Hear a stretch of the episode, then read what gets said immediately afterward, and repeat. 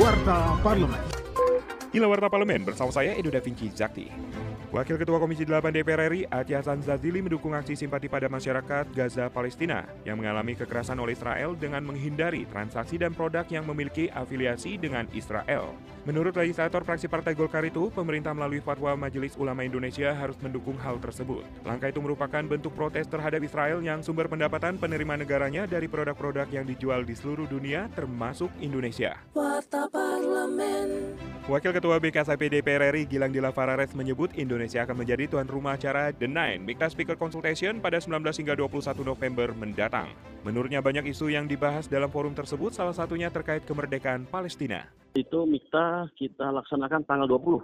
Jadi seluruh speaker yang tergabung di Mikta nanti hadir tanggal 19. Tentu harapannya kan forum forum internasional, tapi ini kan yang terbatas di Mikta saja salah satu harapannya yang paling utama ini mas.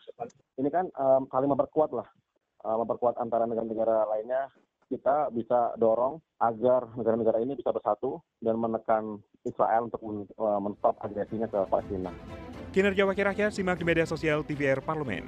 Anggota Komisi 2 DPR RI Yanuar Prihatin meminta perhatian khusus pada potensi penyebaran hoak di media sosial menjelang perhelatan pemilu 2024. Ia menyarankan agar aparat penegak hukum membentuk badan anti hoak untuk mengantisipasi hal-hal yang tidak diinginkan pada pemilu mendatang. Legislator dari fraksi PKB itu meminta penegak hukum dan stakeholder terkait untuk mulai menyoroti penyebaran hoak dan kampanye hitam sedini mungkin.